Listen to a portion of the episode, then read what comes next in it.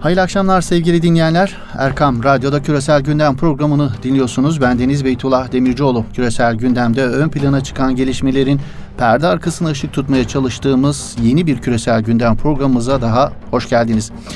Küresel gündem her zaman olduğu gibi bir hayli yoğun sevgili dinleyenler doğusundan batısına gerilimli günler yaşıyoruz tabiri caizse. Asya'nın iki nükleer gücü Pakistan ve Hindistan arasındaki kriz derinleşirken dünyayı nükleer savaş korkusu sarmış durumda. İki nükleer güç arasındaki bu gerilim gerçekten de nükleer bir savaşa dönüşür mü? İki ülke arasındaki gerilimde bir Amerikan fitnesinden bahsetmek mümkün mü? Pakistan-Hindistan arasındaki gerilime ilişkin gündemde cevabı aranan sorular bunlar. Orta Doğu'nun gündemi ise yine bir hayli hareketli. Suriye'de güvenli bölge meselesindeki belirsizlik sürüyor. ABD'nin Suriye'den çekilme kararı sonrası oluşacak boşluğun kim ya da kimler tarafından doldurulacağı konusunda müthiş bir mücadele yaşanıyor. Hem sahada hem diplomasi trafiğinde. Suriye'nin kuzeyinde oluşturulacak güvenli bölge kimin kontrolünde olacak?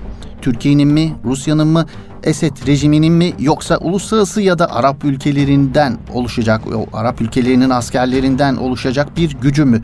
Bu konuda kimse kimsenin ön plana çıkmasını istemiyor doğrusu. Suriye'nin geleceğinde var olmak isteyen bölgesel ve küresel aktörler bu uğurda yoğun bir mücadele içerisinde. Karşılıklı ataklardan nasıl bir sonuç çıkacağı merakla bekleniyor. Öte yandan Beşar Esed'in son İran ziyareti bir hayli yankı buldu. Hem İran'da hem de İran'la ilişkisini kesme karşılığında Esed'i yeniden kucaklamak isteyen kimi Arap ülkelerinin yönetimleri nezdinde. Esed'in ziyareti İran iç siyaseti dengelerinde de krize neden oldu. Esed'in ziyaretinden haberdar edilmeyen ve Esed'in İran'daki İranlılarla gerçekleştirdiği görüşmelere dahil edilmeyen İran Dışişleri Bakanı önce istifa etti ama istifası kabul edilmedi. Esed'i kucaklamak isteyen kimi Arap ülkeleri ki bunların başında Birleşik Arap Emirlikleri geliyor. Bu ziyaret hem Abu Dhabi yönetimi hem de diğer birçok Arap ülkesi için tam bir hayal kırıklığı oldu. Ziyaret Esed'in tercihini Araplardan yana değil İran'dan yana kullandığını gösteren bir adım oldu. En azından böyle okundu. Bu hafta Orta Doğu gündeminde ön plana çıkan gelişmelerden bir diğeri ise Mısır'da hafta sonu düzenlenen Avrupa Birliği Arap Birliği zirvesi oldu. 24 Avrupalı liderin Mısır'ın Şamuşeh kentinde darbe lideri Abdülfettah Sisi'yi kucaklamaları hem de bunu 9 Mısırlı gencin idam edildiği hafta gerçekleştirmeleri yoğun bir biçimde eleştirildi. Hem Orta siyasi çevrelerinde hem de kimi henüz insafını kaybetmemiş batılı yayın organlarında. Kimi Avrupa medyası zirveye ilişkin Avrupa Birliği Mısır diktatörünü kucakladığı başlığını kullanırken zirve batılı kimi analizciler tarafından Avrupa Birliği tarafından son dönemde benimsenen gerçekçi dış politikanın yeni bir örneği olarak sunuldu. Bir ayı geçkin bir zamandır fokur fokur kaynayan Sudan'da devlet başkanı Ömer El Beşir'e yönelik öfke her geçen gün biraz daha derinleşiyor. Sudanlılar artık yeter sloganlarıyla Beşir'in istifasını istemeye devam ediyorlar. Sudan'dakine benzer görüntüler Cezayir'de de yaşanmaya başlandı sevgili dinleyenler. Cezayir Halkı Cumhurbaşkanı Bouteflika'nın 5. kez Cumhurbaşkanlığına aday olmasını protesto etmek için sokaklardaki eylemlerini sürdürüyorlar. Cezayir'de tansiyonun daha da yükselmesi bekleniyor. Evet son bir haftada küresel gündemin ön plana çıkan gelişmelerini bu şekilde özetlemek mümkün. Bugünkü küresel gündem programımızda Hindistan-Pakistan hattındaki gerilimi yakın plana almak istiyoruz.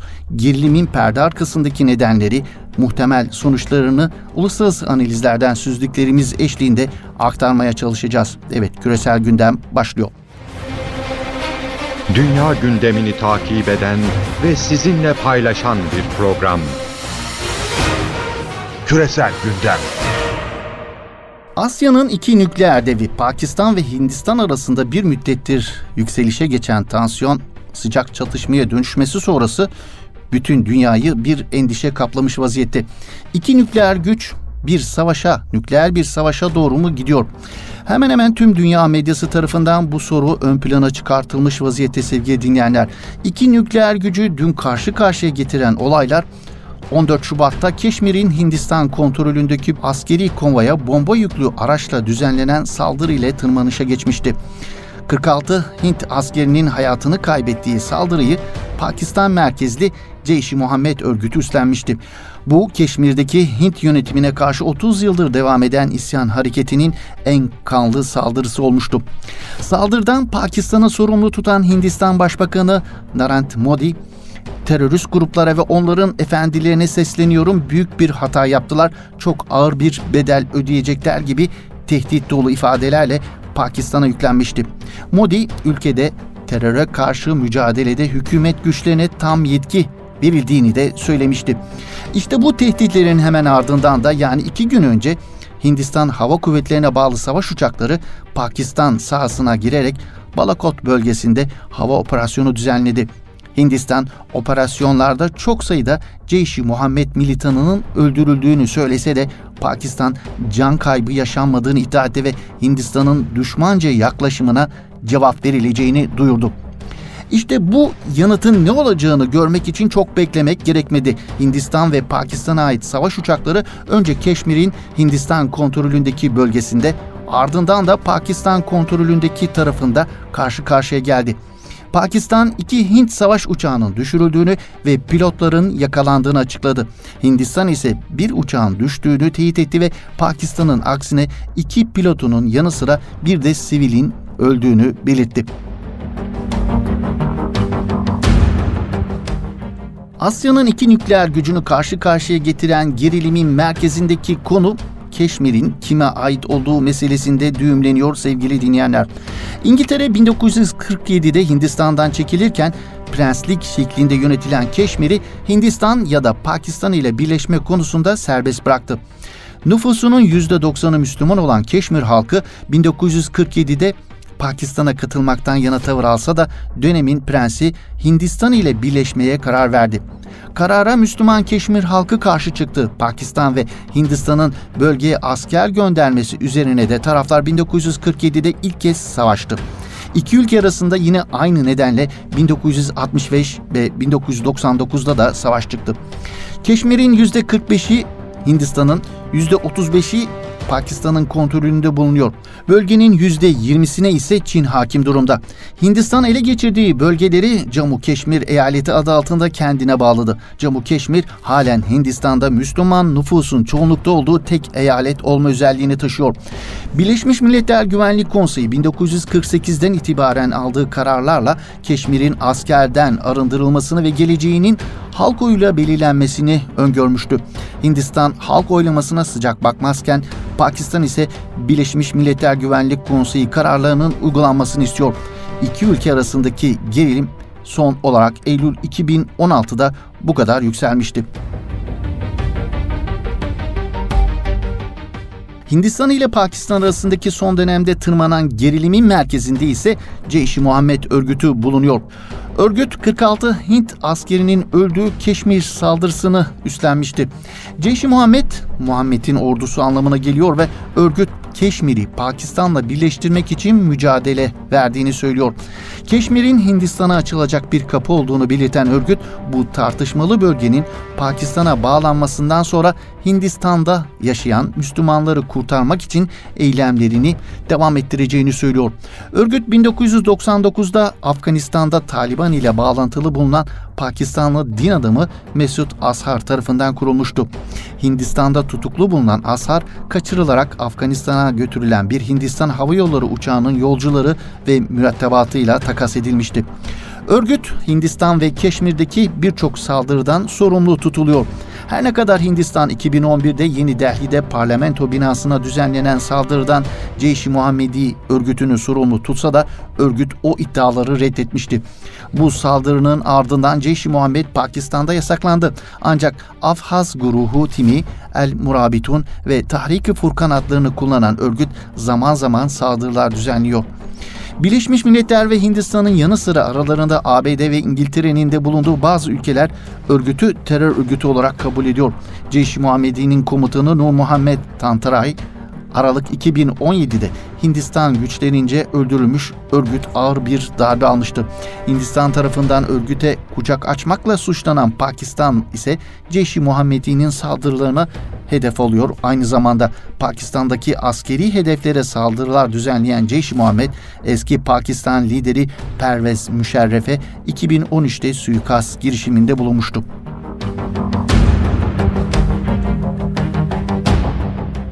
Evet iki ülke arasında yaşanan krizin nereye sürükleneceği bir soru işareti ama uzmanlar gerilimin tırmanmasına engel olunması gerektiği görüşünde. Aslında iki ülkenin yönetimi de gerilimin tırmanması taraftarı değil. Ancak tarafların milliyetçi kesimlerinin sosyal medya üzerinden hükümetlerini pasif kalmakla suçlamaları nedeniyle tansiyon kolay kolay düşmeyecek gibi gözüküyor. Tırmanan gerilim nereye varır peki? Sıcak çatışmanın sonuçları ne olur? Ufukta gerçekten de bir nükleer savaş riski var mı? Bu konuda yapılan değerlendirmeler de neler dillendiriliyor? İki nükleer güç Pakistan ve Hindistan arasındaki gerilimin tırmanmasından neredeyse tüm dünya kaygılı. Ama bu gerilimden rahatsız olmayan ülkeler de var. İngiltere'de Arapça olarak çıkan Re'yül gazetesinin başyazısında bu gerilimden rahatsızlık duymayan ülkelerden birinin Amerika olduğu, Washington yönetiminin ektiği fitne tohumları ile bölgeyi istikrarsızlaştırmaya çalıştığı, zira bu bölgedeki istikrarsızlıktan en çok yararlanacak ülkenin ABD olacağı vurgulanıyor. Gazete son dönemde ABD ile Pakistan arasında yaşanan gerilime de atıfta bulunuyor. ABD yönetiminden gelen açıklamalar Washington'ın Hindistan'dan yana tavır aldığını gösteriyor nitekim. ABD Dışişleri Bakanı Mike Pompeo, Hindistan'ın saldırısını terör karşıtı eylem şeklinde nitelemesi Beyaz Saray'ın yaklaşımının Hindistan'dan yana olduğunu çok net bir biçimde ortaya koyuyor. Benzer bir yaklaşım içerisinde olan yani gerilimde Hindistan'ın yanında olduğunu gösteren bir diğer ülke Fransa oldu. Evet Hindistan ile Pakistan arasında başlayan gerilimin arkasında ABD mi var? İki nükleer güç arasındaki gerilimi direkt ABD ile ilintilenmesi ne kadar doğru? Uluslararası İlişkiler uzmanı Profesör Doktor Ahmet Kasım Han Reyyil Yağım gazetesinin aksine bu konuda farklı düşünüyor. Han Anadolu Ajansı'na verdiği mülakatta bu konuda Çin boyutu üzerinde daha çok yoğunlaşılması gerektiğine dikkat çekiyor. Profesör Doktor Han'ın bu konudaki değerlendirmesine bir göz atalım. ABD bu olayda Pakistan ve Hindistan birbirlerini yiyorlar. Bunu çözmekte Çinlilere düşer ya da biz de müdahale edelim birbirlerini yemesinler gibi iki fikir arasında gidip geliyor. Pakistan şu anda Çin'in bir kuşak bir yol projesinin çok önemli bir parçası. Çin ile Pakistan ekonomik koridorun parçasıdır. Bu proje Çin açısından 50 milyar dolarlık bir yatırım portresi çiziyor. 2017'de 30 bin kişi bu projenin bir takım ayaklarında çalışıyordu. Mesela Çin-Pakistan ekonomik koridoru olan Gwadar'daki limana yatırım yapıldı. Dolayısıyla 2023'te bu rakamın sadece Gwadar'da 500 bin kişiye iş alanı açacağı söyleniyor. Bu çok ciddi bir rakamdır. Dolayısıyla Çin'in burada çok büyük bir çıkarı söz konusu diyor Han. Çin'in uzunca bir zamandır Pakistan'dan yana tavır sergilediğini vurgulayan Profesör Doktor Han ama Çin'in bu tavrının nedeni özel bir Pakistan sempatisiyle alakalı değil diyor. Pakistan ciddi ekonomik sıkıntılar içinde olan bir ülke. Pakistan'ın bu nedenle Suudi Arabistan ile ilişkileri çok iyi zira Suudi Arabistan Pakistan'a önemli ölçülerde yardımda da bulunuyor. Çin'de hakeza bu parantez içerisinde ve Pakistan toprakları Çin için görece güvenli ve kontrol edilebilir. Çünkü Pakistan devleti bu ilişkiye daha ziyade bağımlı taraf. Dolayısıyla Pakistan toprakları güvenli, ucuz ve kontrol edilebilir bir çıkış sağlıyor. Hint Okyanusu'na değerlendirmesinde bulunuyor Profesör Doktor Han. Evet sevgili dinleyenler Güney Asya'da sadece ABD-Çin rekabetinin yaşanmadığını ciddi anlamda Hindistan-Çin rekabetinin de yaşandığını belirtmemiz gerekiyor. Pakistan'dan yana görüntü sergilemesine rağmen Çin'in Pakistan'ın Ceyş-i Muhammed gibi aşırı örgütlerle işbirliği yapmasından dolayı sınırsız destek veremeyeceğini savunan Profesör Doktor Ahmet Kasımhan her ne kadar Pakistan'dan yana tavır koysa da Çin'in Pakistan'a sınırsız destek vermeyeceğini belirtiyor. Çünkü Çinlilerin bir kere bir Uygur meseleleri var diyor. İslamcı olduğunu iddia eden bir takım militan gruplarla uğraşan ve onlarla iş tuttuğu ileri sürülen Pakistan devletine sınırsız oy vermesi mümkün görünmediğini vurguluyor. Dolayısıyla Çin'in Pakistan'a desteği sınırlı olacaktır. Aynı zamanda Hindistan'ı ABD'nin kucağına itecek böyle bir hamleden Çin kaçınacaktır ifadelerini kullanıyor Profesör Doktor Ahmet Kasımhan. Evet tırmanan gerilim nereye varır peki sıcak çatışmanın sonuçları ne olur? Ufukta gerçekten de bir nükleer savaş riski var mı sorusuna yeniden dönecek olursak. Profesör Doktor Ahmet Kasımhan'a göre Hindistan ile Pakistan arasında yaşanan son krizin büyümeyeceğinin en önemli göstergesinin ise kullanılan savaşta kullanılan ekipmanlar. Hindistan'ın düşen uçağı Soğuk Savaş'ın erken dönemine ait kullanım ömürlerini tamamlamış uçaklar diyor Han. Bunlarla yapılan bombalamalar gerçek bir savaş medeniyetini zayıflatıyor. Ancak ne zaman ki iki ülkenin deniz kuvvetlerinin karşı karşıya geldiklerine dair bir işaret görünürse o zaman ciddi bir durum olduğundan endişelenebiliriz diyor. O zaman işler kontrolden çıkıyor olabilir. Ama Hindistan ile Pakistan arasında Keşmir üzerinde bir sınır yok. Bir kontrol hattı var. Bütün bu çatışmalarda bu hat üzerinde yaşanıyor. Çatışmalar bu hat üzerinde kaldığı sürece bu büyük bir savaşa dönmeyecektir. Ancak Hint okyanusunda büyük çaplı bir Hint veya Pakistan deniz kuvvetleri aktivitesi görürsek o zaman işler çığırından çıkıyor diyebiliriz diyor Profesör Doktor Ahmet Kasım Han sevgili dinleyenler.